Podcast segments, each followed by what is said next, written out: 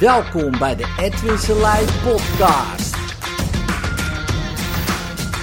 Voor inspiratie, stimulatie en motivatie om je dag goed door te komen. In uh, 2000 reed ik met een vriend uit Eindhoven richting Melbourne, Australië. Uh, we hadden nog drie andere passagiers mee, een Australiër en twee pommies. Oftewel de Prisoners of Motherland, oftewel Engelsen. We kwamen uit Mildura, dat is uh, de druivenhoofdstad van Australië, omdat we daar een paar weken in die bloedhitte hadden gewerkt. Daar waren we de sterren in de lokale kroeg, de Starbar. Ze noemden ons de Gunpickers, omdat wij verweg de meeste druiven binnenhaalden met ons team. Maar goed, je moet weten dat die gast uit Eindhoven, die was wel een beetje apart. maar goed, soort zoeksoort, toch? Uh, we waren daarom best wel uh, goede maatjes. Hij had het meesterlijke plan gehad om uh, van onze blauwe Ford Falcon een kop magnet te maken. Oftewel een politiemagneet. Want hij had er allemaal, aan de zijkant had hij allemaal vlammen erop geairbrushed. Nou, dat lukte prima. Want we zijn in die periode van zes maanden zeker 15 keer aangehouden. En toen we Melbourne inreden, um, werden we voor de tiende keer aangehouden. Ik zag het al in mijn achteruitkijkspiegel, politie met sirenes en dat soort dingen. Stop. Die gasten achterin werden helemaal gek. Verstop de drugs, zei hij. Verstop de drugs. Ze mogen niks vinden, man. Zitten we hier vast. Misschien goed om te weten, we hadden een heel klein bolletje wiet bij ons. dus uh, net genoeg voor een jointje. Maar goed, je bent in het buitenland, hè? je weet niet precies hoe de politie gaat reageren. En achteraf bekeken leerde ik daar al iets over framing. Dat ga ik uitleggen. Ze stapten uit en met hun handen op hun revolvers slopen ze dichterbij. Dat was net zo'n Amerikaanse serie, weet je wel. We moesten uitstappen, kofferbak openen. Ik zeg, uh, are you sure?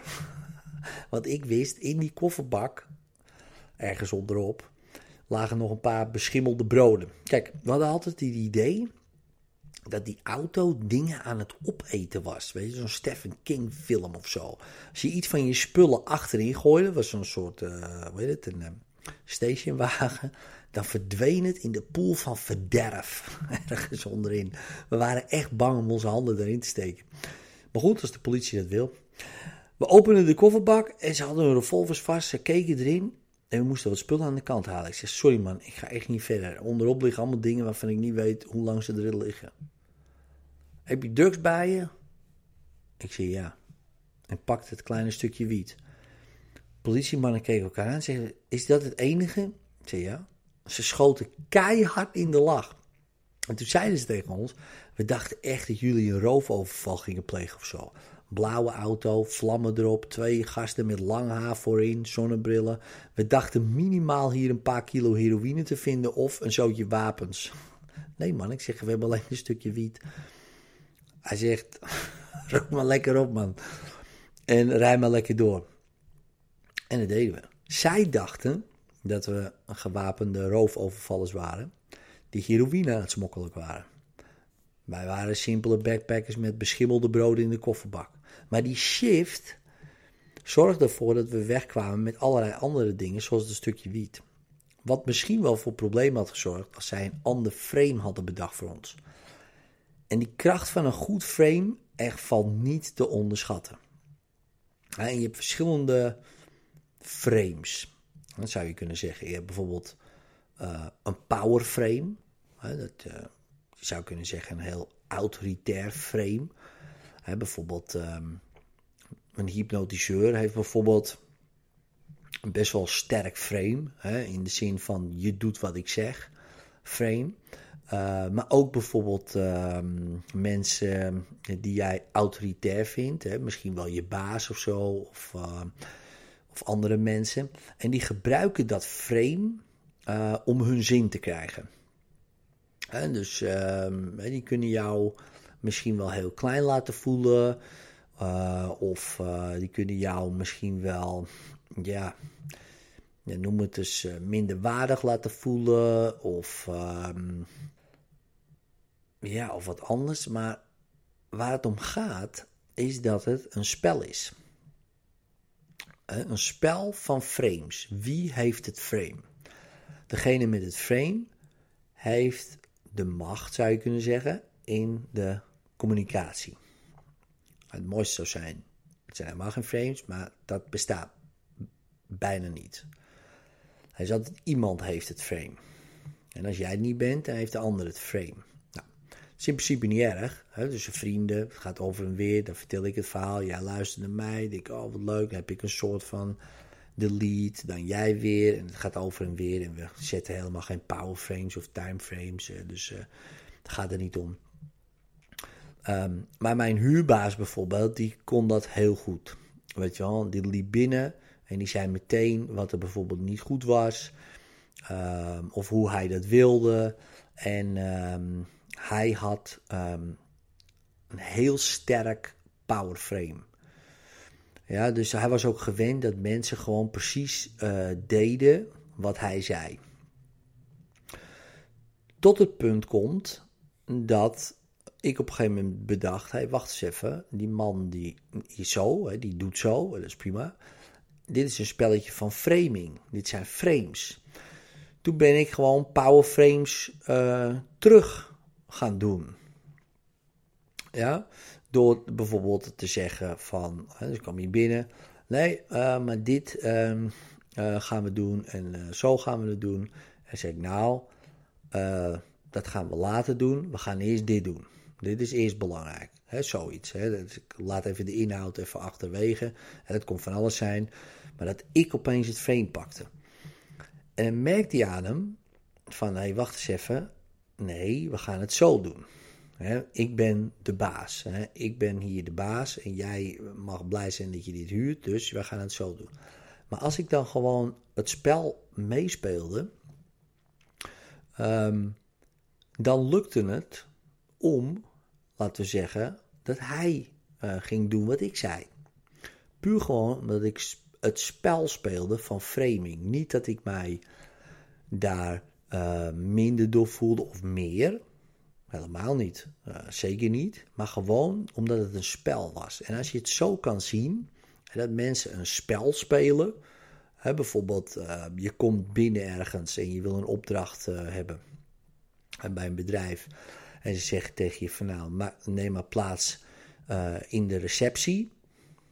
Wacht maar even op de baas. Dan is dat een power frame hè, van een bedrijf. Hij stel je voor, je hebt om drie uur afgesproken en hij komt om vijf over drie nog niet en jij blijft maar wachten in de receptie, dan zit je dus in het frame van die persoon. Als jij dan opeens opstapt en zegt tegen die receptie, hij moet nu komen. Dan zegt, nou, en ze zegt, hij komt niet. Hè, powerframe, zeg je, nou oké, dan ga ik nu weg. En uh, dan uh, kan hij mij bellen als hij wel uh, zijn afspraak nakomt. Maar dan kom ik hier niet meer heen. Komt hij maar naar mij toe op kantoor. Want ik ga hier niet meer heen nu. Afspraak is afspraak. En uh, zo ga ik niet uh, met mensen om. De volgende keer, als hij een afspraak met mij wil, dan belt hij maar. Maar dan komt hij wel naar mijn kantoor. Powerframe.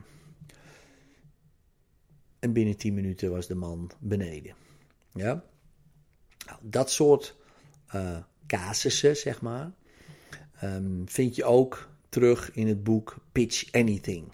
dat gaat uh, voor een heel groot deel over framing. En um, powerframes, timeframes voor, voornamelijk. wie heeft het frame?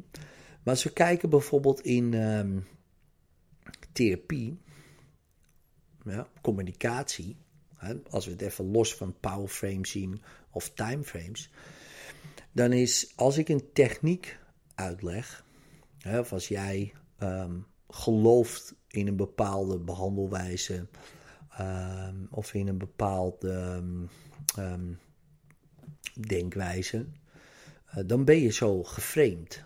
En daar heb je bewijs voor, voor jouw frame. Maar het blijft een frame. Het blijft een box. Mensen zeggen wel out of the box denken.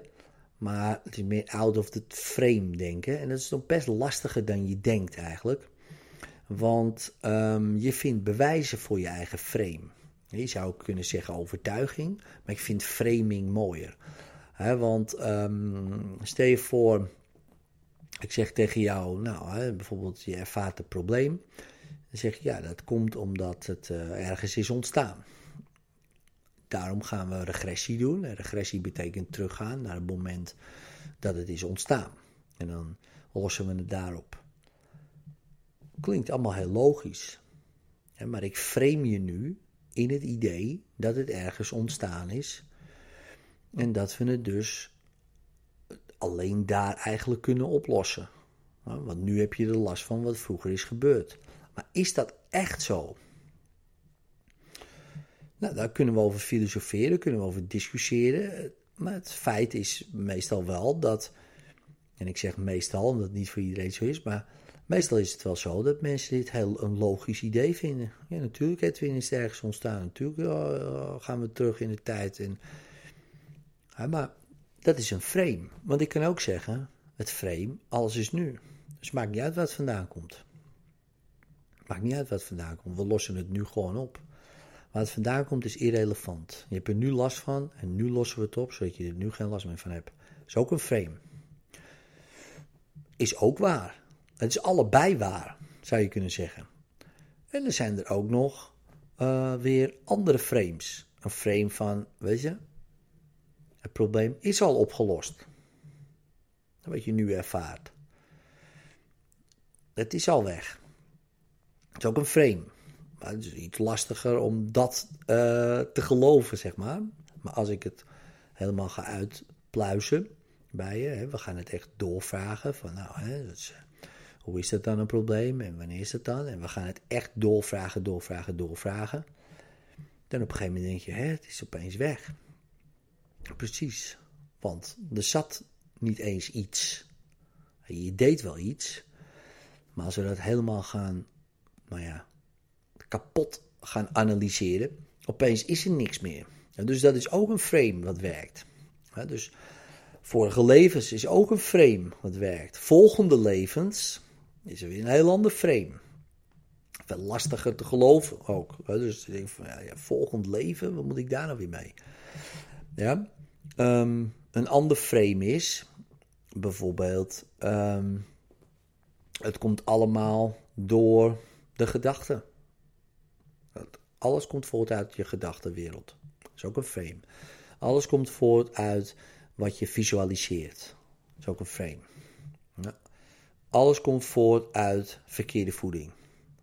Ook een frame. Dus, dus, en wat je gelooft qua frame, dat is waar, want daar vind je bewijs voor. Maar in wezen, wat ik net allemaal heb opgenoemd, is allemaal waar. Het kan allemaal waar zijn voor jou, als ik jou laat geloven in dat frame. En dat is de hele truc, kunst eigenlijk meer, geen truc, meer een kunst van therapie. We kunnen niet per se zeggen van, ja, maar hypnotherapie is de beste therapie, wat natuurlijk wel zo is. dat is ook weer een frame natuurlijk. We kunnen ook zeggen, EMDR is de beste. EFT is de beste. Cognitieve gedragstherapie is de beste. Maar het is natuurlijk allemaal irrelevant. En wat de cliënt, wat, welk vreemde cliënt gelooft, dat is het, het beste. Als die gelooft dat zijn depressie kan genezen door Freudiaanse psychoanalyse, dan is de kans zeer groot dat het gebeurt, omdat hij dat frame gelooft. Dan wordt het lastiger voor de cliënt om hypnotherapie te geloven, misschien. Misschien gelooft hij helemaal niet in hypnotherapie, maar dus bijvoorbeeld, of in hypnose. Maar het bestaat wel. Ja, het is ook wetenschappelijk bewezen. Je kan het zo laten zien dat het uh, wetenschappelijk bewezen is. Maar ja, dan moet je het nog steeds geloven. Kijk, dat het bewezen is wetenschappelijk. Dus heb je wel eens um, advertenties, zet ik op internet over hypnose. Nou, dan gaan mensen dat reageren. Is wetenschappelijk bewezen? En dan geef ik een link naar wetenschappelijk bewijs. Zegt ze ja, maar dat is niet zo.